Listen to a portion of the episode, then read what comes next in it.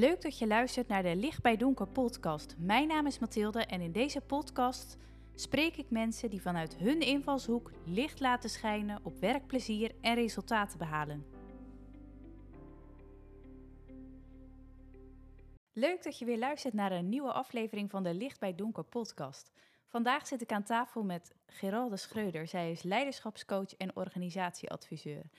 En zij doet dit vanuit haar eigen ervaring, ook als leidinggevende in de zorg. En ik ga het vandaag met haar hebben over, ja, wat doet dat nu met je om een uh, leiderschapspositie op je te nemen? Uh, wat zie je gebeuren in je omgeving? Maar ook wat gebeurt er bij jezelf uh, als mens? Leuk dat je er bent, Geralde. Welkom. Ja, dankjewel Mathilde. Superleuk om hier te zijn. Ja. Nou, laten we maar gewoon met de deur in huis vallen. Uh, jij was 23 toen je je eerste leider, leidinggevende rol uh, kreeg. Ja. Kun je daar eens wat over delen? Wat deed dat met je? Nou, ik was natuurlijk eerst gevleid. Ik werd gevraagd. Ik had al wel vrij um, snel door in mijn leven dat ik een leiderschapsrol misschien dat het bij me zou passen. Ja, wat was het moment dat je dat voor het eerst door had? Nou, toen was ik al jong. Toen ging ik uh, als klein meisje een pannenkoekenfeest organiseren. In, uh, in de buurt waar ik woonde. Dus ik zorgde ervoor dat uh, ja, moeders pannenkoeken gingen bakken. En ik had het allemaal geregeld. Dus er zat al snel iets op mij. Dat ik al door had van, hé, hey, daar gebeurt wat. Yeah. Um, en in mijn studententijd werd ik voorzitter van de studentenvereniging. Dus daar werd ik voor gevraagd. En dat paste ook wel bij me. Um, nou, toen uh, ging ik verpleegkunde studeren. Toen was ik eigenlijk al vrij snel uh, dat ik dacht, ik weet niet of ik dit heel lang leuk blijf vinden. Ik, heb meer, uh, ja, ik was gewoon meer bezig met organisaties en processen. En toen werd ik gevraagd. Um, ik werkte op dat moment in een psychiatrie. En er was iemand ziek. Een teamleider was ziek. En ik werd gevraagd om samen met een oudere leidinggevende een afdeling te gaan managen. Het is een chronisch psychiatrische afdeling. En ik voelde me gevleid. Ik dacht, oh nou, maar ik vond het ook echt super spannend. Ik kwam in een team met, daar werkte toen zo'n 60 mensen, denk ik. En ik was ook bijna de jongste. En ik dacht, oh, hoe ga ik dit nou doen? Ja. Ja. En, en wat was je ervaring? Want je, je, je zegt van, nou, ik vond het spannend. Ik was de jongste. Wat, Ja. wat, wat gebeurde? Nou, wat er gebeurde, denk ik, dat ik mezelf wel wat steviger neerzette dan ik misschien van binnen, dan het van binnen voelde. Um, dus ik ging me echt verdiepen in de inhoud, hoe werken dingen. Maar ik had ook best al wel een, vrij snel een duidelijke mening van hoe ik vond dat dingen moesten gaan. En ik weet nog dat een van de eerste opdrachten die ik kreeg van mijn manager was dat ik een, iemand die een dienstlijst dat rooster, op het rooster maakte, die moest ik vertellen dat dat niet meer mocht, want zij had daar Um, dat was echt haar ding geworden. En het, zij roosterde ook in het voordeel van zichzelf en haar vriendjes. Um, en dat vond ik echt ontzettend spannend. Ik weet nog dat ik de, de nacht daarvoor niet heb geslapen. Uh, ik had het helemaal voorbereid wat ik dan moest zeggen. En ik had me helemaal verdiept in een slecht nieuwsgesprek, hoe je dat dan moest doen. En dat heb ik gedaan. En uh, samen met uh, mijn manager. Um, ik heb wel toen gezegd van dat ik het gesprek wilde voeren. En, um, ja. en zij reageerde daar eigenlijk heel goed op. Van zo van, oh oké, okay, nou het was meer een soort mededeling voor haar. En hoe gaan we dat dan overdragen? En zij reageerde daar eigenlijk heel professioneel op. Ze Ja. was later, zei ze, eigenlijk ook wel blij uh, dat die keuze was gemaakt. Omdat ze ook wel voelde van, ik kom in een gekke positie in het team. Dus we zijn het toen anders gaan organiseren. Maar dat was een van de dingen waar ik nog wel eens aan terugdenk. Van, oh ja, toen deed ik dat. En zij Ja. was in de 50 volgens mij. En ik voelde me echt ontzettend onzeker. Ik dacht, oh, nu ga ik iets doen. Ga ik iets bijna afpakken van iemand. En ik had dus ook heel veel ingevuld. Hoe dat voor de ander zou zijn. Oh En, ja. eh, ja, ja. dus je was daar heel erg mee bezig van wat is dat voor anderen en vulde allerlei dingen Ja. in die eigenlijk best wel meevielden. Ja, misschien. zeker. Viel echt mee. Ja. En, en wat, wat merkte je verder? Want je zat eerst in het team en toen werd je leidinggevende. Wat, Nee, eh, ik, zat, ik was vanuit een ander team Oh, daar naar het team gekomen. Ja, wat ik verder merkte is dat ik ehm, ja, dat mensen over je gingen praten. Dus ehm, ik kwam bijvoorbeeld een teampost binnen en dan viel het stil. En dan dacht ik, oh, ze hebben het over mij. En dan wist ik echt niet wat ik moest doen. Ik dacht, oh, er wordt nu over mij gepraat. Dus dan ging ik maar iets pakken en dan liep ik weer weg. Ja. En dan bedacht ik de volgende keer als ik dan binnenkom, dan ga ik het gewoon zeggen. Van, oh, praten jullie over mij? Of is er iets eh, waarin ik mee kan praten?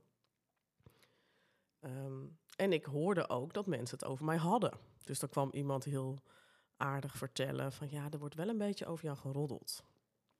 Nou, dan dacht ik echt, oh, doen mensen dat? Dat vond ik allemaal ontzettend spannend. Maar goed, daar leer je ook mee omgaan. Ja, wat hoe heb je geleerd om daarmee om te gaan? Nou, door dat te, dus te beseffen, op het moment dat jij een leiderschapsrol krijgt, of een teamleidersrol, of, uh, ja, dan gaan mensen anders naar je kijken.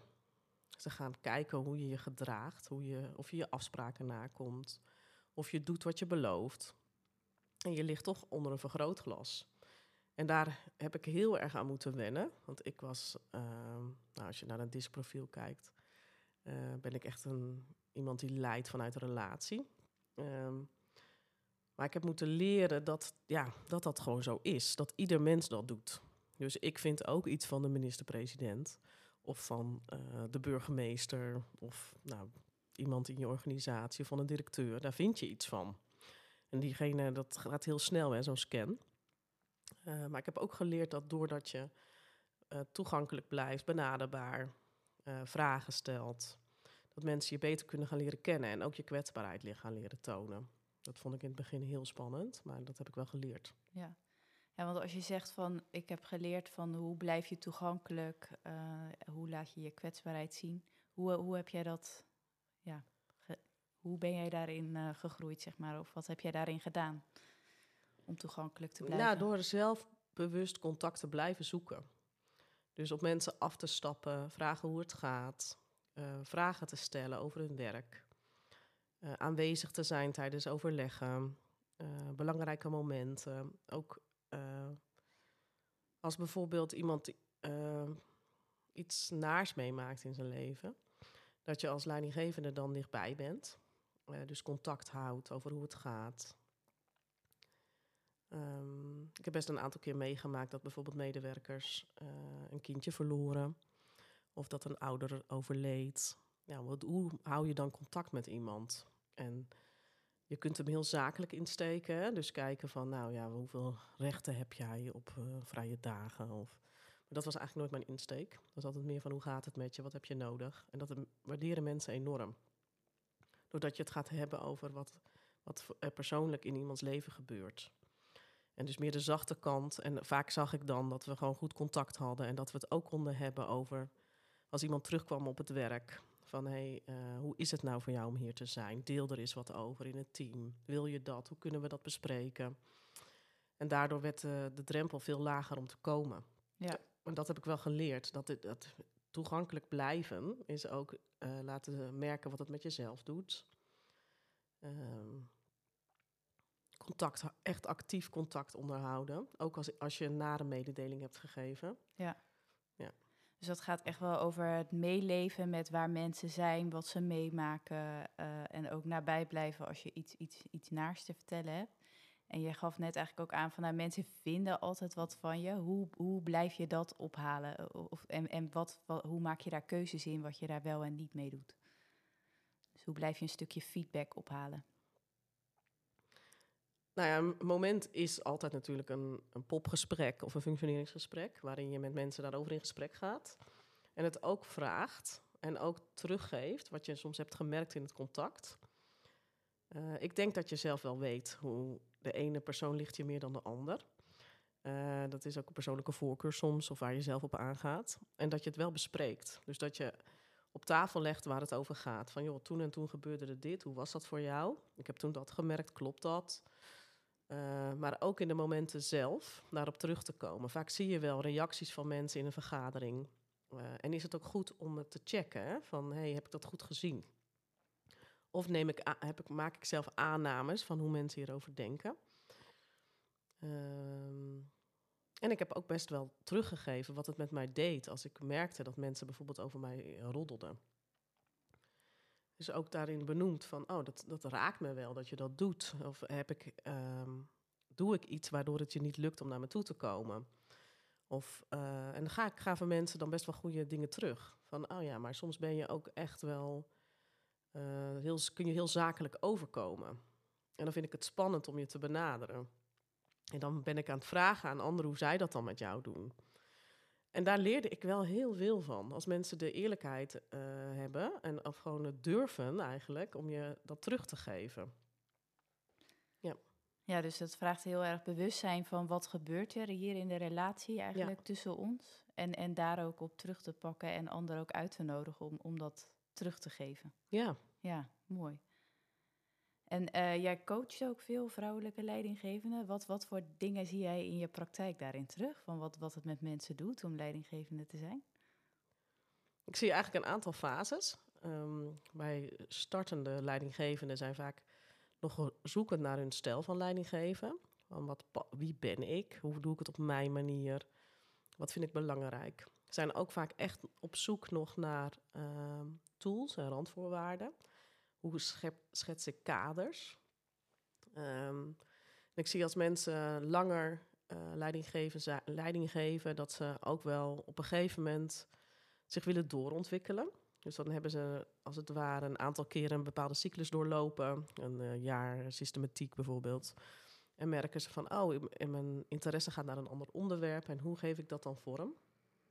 Uh, vaak hebben ze wel thema's, valt me op, wat hun aanspreekt. Of het gaat over inhoudelijke processen. Mensen kiezen heel duidelijk voor een bepaalde doelgroep.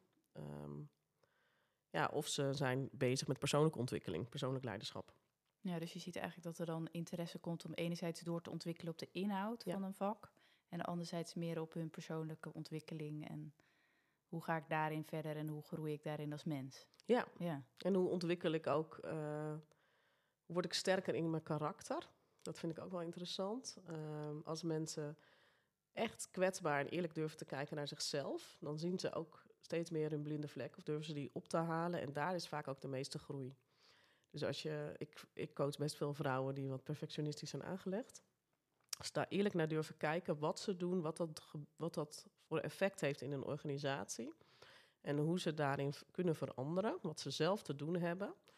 Dan groeien ze ook echt als leider. Ja, dus echt je blinde vlekken opzoeken en daarin groeien. Wat, wat, wat zijn dan de eerste stappen die je kunt ondernemen als je zegt van nou, ik uh, heb niet zo'n zicht op mijn blinde vlekken, maar ik zou daar wel in willen groeien? Ja, anderen hebben zicht op je blinde vlekken. Ja. dus uh, vraag het aan de mensen om je heen, aan je collega's, ook aan de collega die, uh, die je niet als eerste zou benaderen. Um, ik vraag ook vaak aan mensen als ze starten bij mij om feedback op te halen. Dus aan echt vijf collega's te vragen van geef mij terug. Wat vind je mijn kwaliteit en waarin heb ik, uh, kan ik verder ontwikkelen? Komen hele verrassende dingen altijd uit. Um, en vaak ook hetzelfde. Dus mensen zien vaak heel goed wat jij doet. Hoe je je ontwikkelt, uh, waar je nog uh, kunt, verder kunt ontwikkelen. Ja, en jij ziet veel mensen met perfectionistische neigingen. Is, is dat iets wat, wat veel aan uh, leiderschap gekoppeld wordt? Wordt dat veel getriggerd?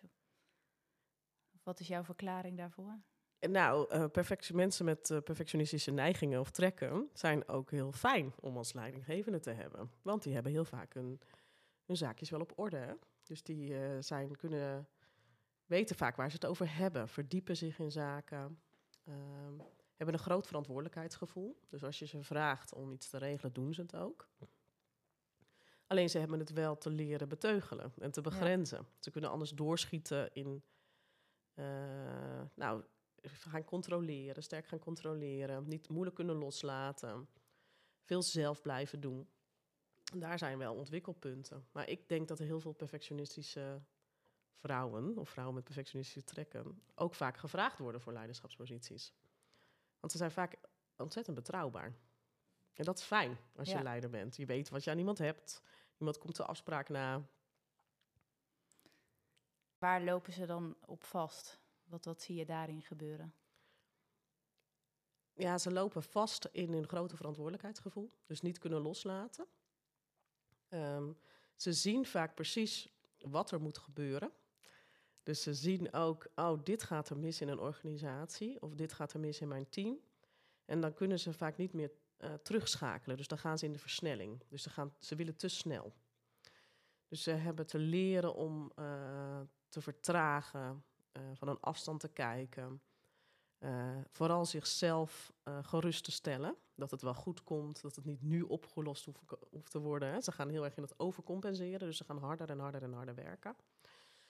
Eh, waardoor ze ook minder efficiënt en effectief worden. Ja, mooi. Ja. Of tenminste, dat is niet mooi, maar dat is wel goed om dat onder ogen te zien. Hmm, ja. ja. En je gaf, de- dit was eigenlijk de tweede fase die je zag. eh, du- dus dat mensen zich verder willen gaan verdiepen en hun karakter willen eh, doorontwikkelen en dat steviger neer willen zetten. Eh, en even terug naar de vorige fase, dat was eigenlijk dat, dat mensen hun stijl gaan ontdekken. Ja. En ehm, hoe heb jij dat aangepakt? Ja, ik ben er zelf veel over gaan lezen. Eh, ik heb wel veel gehad aan de boeken van Stephen Covey. Ehm, John Maxwell vond, vond ik ook iemand die inspirerend is rondom leiderschap. Eh, en ik ben op zoek gegaan naar coaching. Eh, ik ben ook managementopleidingen gaan doen. Daar leerde ik vooral in het begin leer je echt wel hoe je dan. Ik had natuurlijk verpleegkundige achtergrond. Eh, dus je moet ook op een gegeven moment, ja, hoe lees je dan een begroting? Of eh, hoe maak je nou een bepaalde berekeningen? Hoe werken bedrijfsprocessen, veranderprocessen? Ja, dat kun je ook gewoon leren. Dat zijn natuurlijk skills die je kan ontwikkelen. Dus dat ben ik gaan doen. Eh, en op een gegeven moment wordt dat een soort eigen en zit dat in je systematiek. En ik merkte meer dat ik zelf een ontwikkeling had doen in hoe begrens ik mezelf. Eh, hoe ga ik om met de verantwoordelijkheid? Je kan ook drukken op jezelf. En eh, daar ben ik toen coaching voor gaan zoeken. Ja. Ja, precies. Dus je hebt ook al eh, zicht of hulp van buitenaf daarin gevraagd. Dus enerzijds op de inhoud verdiepen en anderzijds coaching. Ja. ja, mooi. En ehm, als je kijkt van nou, deze, we hebben nu die, deze twee eh, fasen. Wat, wat is de daaropvolgende fase als mensen hun karakter ontwikkeld hebben en neergezet hebben? Ja, dan gaan ze vaak nadenken over een legacy of zo. Wat willen ze doorgeven? Dus dan willen ze graag inspireren. Ehm, vinden ze het ook leuk om hun kennis door te geven, om mensen te vertellen. Ehm, maar ook om ergens bijvoorbeeld les te gaan geven. Of hebben ze meer visie op leiderschap ontwikkeld. En zie je ook dat mensen andere functies daarnaast gaan bekleden. Ehm, dat ze gaan nadenken over, oh, waar de, eh, wat wil ik verder nog in mijn leven? Hè? Dus dan gaat het meer over, hey, wat is mijn nalatenschap? Ja, betekenis geven aan de ervaringen die je, die je hebt gedaan. Ja. ja. Opgedaan, ja. Ja, mooi. E- En ik kan me ook voorstellen dat als, als, als leidinggevende dat het af en toe echt wel eh, dat er dingen gebeuren waar je echt op moet, moet ingrijpen en doen. Hoe, hoe is dat voor jou ge- ja, geweest eigenlijk? Ja. Hoe Ja. heb je, en hoe heb je dat op zo'n manier gedaan dat je ook in die verbinding blijft met mensen? Goeie vraag. Ehm, ik denk dat, dat het een illusie is dat dat altijd lukt. Dus soms lukt het gewoon niet om in verbinding te blijven. Soms geef je, eh, ja, ga je iemand op staande voet ontslaan. Ja, dat, dan is er niet zoveel verbinding meer. Dan is er iets gebeurd waardoor, dat ook, waardoor iemand, eh, waardoor het echt niet kan. Mm, maar heb je wel, soms heb je keuzes te maken die goed zijn voor de organisatie. En gaat het organisatiebelang boven het individueel belang. En dat heeft mij wel geholpen in het af. eh, ja, om daarin beslissingen te kunnen nemen. Dus wat is het belang op dit moment? Eh, soms gaat het ook niet meer over je eigen belang. Eh, maar heb je ook na te denken bijvoorbeeld over... ben ik nog de persoon op de, ben ik nog de juiste persoon voor deze klus? Eh, of heb ik daar iemand anders voor te regelen? Of, ehm, ja, en dat helpt wel door dat met iemand te bespreken, met een collega op te zoeken. maar het ook goed voor te bereiden. En te proberen het wel vanuit verbinding te doen. Dus dingen uit te leggen. Waarom je bepaalde keuzes maakt. Alleen soms kan dat niet. Hè? Gaan mensen gewoon, eh, is de eerste, op, eerste mededeling en dan is iemand oud. En dat Ja. zie je wel. Ja. Dus dan ook te acteren daarop. En een vervolgmoment aan te... Ja, ze zeggen van, joh, zullen we een vervolgafspraak maken als iemand dat wil. Soms weet je ook al, dit gaat niet meer lukken. Maar heel vaak ook wel. Ik heb ehm, ook wel met eh, mensen gesprekken gehad over dat iemand niet meer passend was voor de functie. Of dat ik merkte dat iemand vast bleef lopen op dezelfde thema's. Ehm, En dat ik iemand later sprak en zei, nou, ik heb echt, uh, ook al was het niet leuk, dat heeft wel heel veel veranderd. En daardoor ben ik wel een andere koers gaan varen, ben ik, een ander, ben ik ander werk gaan doen, waardoor ik veel gelukkiger ben geworden. Soms help je mensen ook door juist wel feedback te geven. Ja. En uh, dat mensen gaan aankijken en eerlijk worden. Hey, word ik hier echt gelukkig van? Of zijn dit ook echt mijn kwaliteiten die ik nou inzet? Ja, precies. En, en um, dus, dus echt dat eerlijke gesprek wel echt aangaan. En dat kan soms ook, ook leiden tot conflict. Wat, wat zie jij daarin, nou, ook, uh, ook in je praktijk terug, als het gaat rondom conflicten? Wel, hoe hoe uh, acteren mensen daarop of gaan ze daarmee om? Ik denk dat uh, in conflicten mensen heel veel projecteren op de ander, wat niet over de ander gaat. Dus wat vaak te maken heeft met je eigen pijnpunten of je eigen triggers. En het is ongelooflijk helpend als je zicht hebt op je eigen triggers. Wat triggert iemand in je? Wat wordt er in je geraakt? En hoe kun je daar zelf voor zorgen? Um, ik, heb, ik begeleid ook best nog mensen die bijvoorbeeld in een leiderschapspositie zitten en dat dat eindigt. Dus dat ze in een burn-out situatie bij mij komen of in een eh, conflict hebben. In, en dan begeleid ik mensen in hoe ze dat kunnen afronden. En ik zie dat er heel veel winst te behalen is doordat je bijvoorbeeld aan het begin een keuze maakt. Hoe wil je hier weg? Wil je hier weg vanuit uh, gezamenlijkheid? Uh, hoe wil jij afscheid nemen? Hoe wil je verder gaan in je leven? Um, en als mensen daarvoor kunnen kiezen om te zeggen: Ik wil dit goed afronden hier. Ik weet nog niet hoe, maar ik wil het wel aangaan en ik wil naar mezelf kijken. En ik wil naar mijn triggers en mijn pijnpunten kijken. Dan gebeuren er vaak hele mooie, bijzondere dingen. En kunnen mensen ook echt goed weggaan. Ook al leek dat in het begin echt onmogelijk. En dat heeft wel te maken met dat je naar jezelf, naar bij jezelf naar binnen gaat.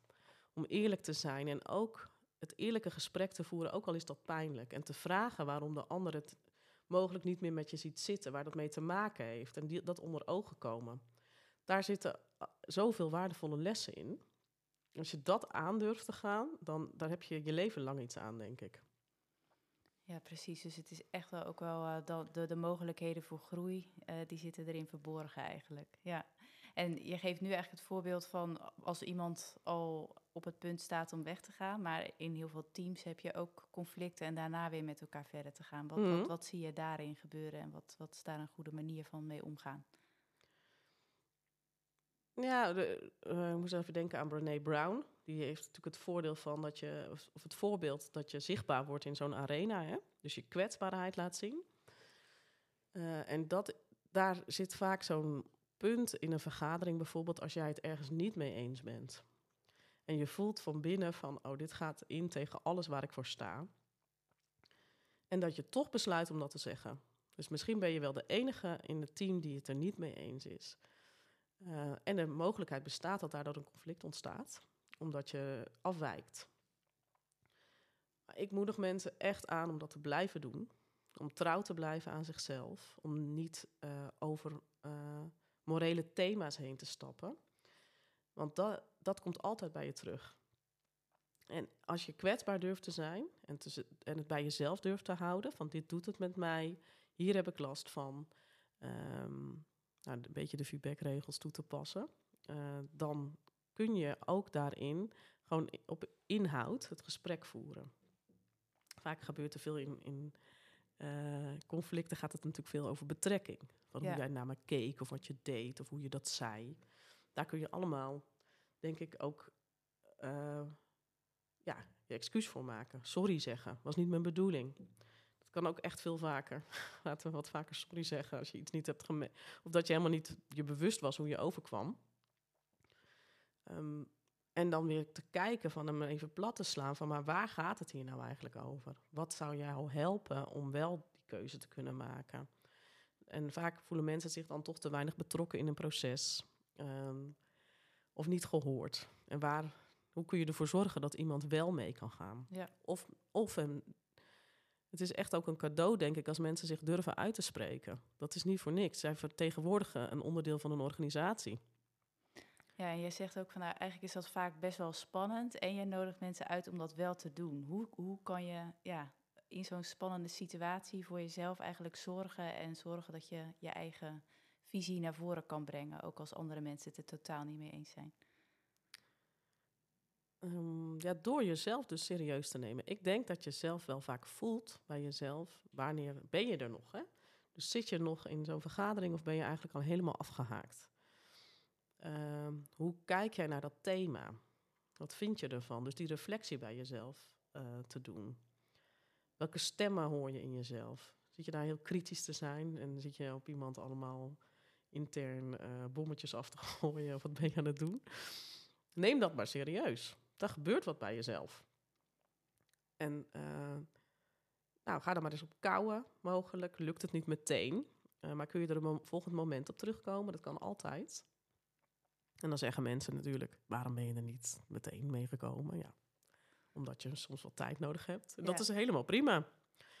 Nou, dat is wel vaak dat er eigenlijk van je verwacht wordt dat je direct ergens op reageert, terwijl sommige dingen hebben ook een wat langer proces. Ja. Dus dat hebben we ook wel met elkaar te accepteren. Zeker. Ja. ja. Dus echt jezelf serieus nemen, je gevoel uh, onderzoeken. Uh, als het lukt ter plekke daar al, uh, al wat mee doen en anders daarop terugkomen. Wat, ja, je wat... kunt ook echt iets doen in je houding. Zo rechtop gaan zitten, contact maken met je benen bijvoorbeeld. Hè? Dus voelen van ik ben hier niet hier en nu. Het kan soms helpen om het ook gewoon te zeggen dat je het spannend vindt, maar dat je wel iets wil inbrengen. Ehm, bij vrouwen zie ik vaak dat ze bang zijn dat ze dan gaan huilen bijvoorbeeld zeg ik, ja, dat kan gebeuren. Wat is dan het ergste? Gaan we het voorbespreken. En dan gebeurt het soms en dan vinden mensen dat helemaal geen probleem. Dus het is ook vaak de angst voor dat je jezelf niet in de hand hebt. Of dat er iets gebeurt waar je geen invloed op hebt. En dat is vaak een reden waardoor mensen het niet doen. Terwijl ik denk, als je wel zichtbaar wordt en wel je gaat uitspreken, uh, kleur bekend, dan word je uh, ook transparanter naar mensen toe. Dan gaan ze meer zien wie je bent, waar je voor staat en wat jij te brengen hebt. En daarmee uh, ja, weten ze inderdaad ook wat ze aan je hebben en, en, en kan je echt ook meer voor de dingen gaan staan die je, die je ziet. Ja. ja. ja, mooi. Nou, we hebben best wel een aantal mooie onderwerpen aangeraakt zo in dit gesprek. Dus enerzijds van nou, wat doet het met je als leidinggevende, de verschillende fasen die er zijn in je leiderschapsontwikkeling. En ook, ja, wat als er een conflict situatie is, hoe kun je jezelf daarin uh, serieus nemen? Heb jij nog dingen die je, die je zou willen toevoegen of mensen mee zou willen geven? Mm, ik denk echt, neem jezelf hartstikke serieus, want jij bent het instrument. Jij hebt echt invloed. En dat kan in kleine dingen, in grote dingen zijn. Maar het begint vaak in de kleine dingen. Dus um, weet je, wees je daar bewust van. Van het alledaagse, daar gebeurt het. Mooi. Ja. Ja, in het alledaagse gebeurt het. Ja. ja, en neem dat serieus. Ja. Nou, dankjewel Geralde voor het delen ook van jouw ervaringen en wat jij, wat jij om je heen ziet. En uh, tot, uh, tot een volgende aflevering. Dankjewel voor het luisteren naar deze aflevering. Wil je meer mensen mee laten genieten? Deel de podcast en geef sterren. Als je meer wilt weten over een plezierige werkomgeving en resultaten behalen, kijk dan op www.lichtbijdonker.nl. Daar verschijnen regelmatig nieuwe blogs. Tot de volgende aflevering.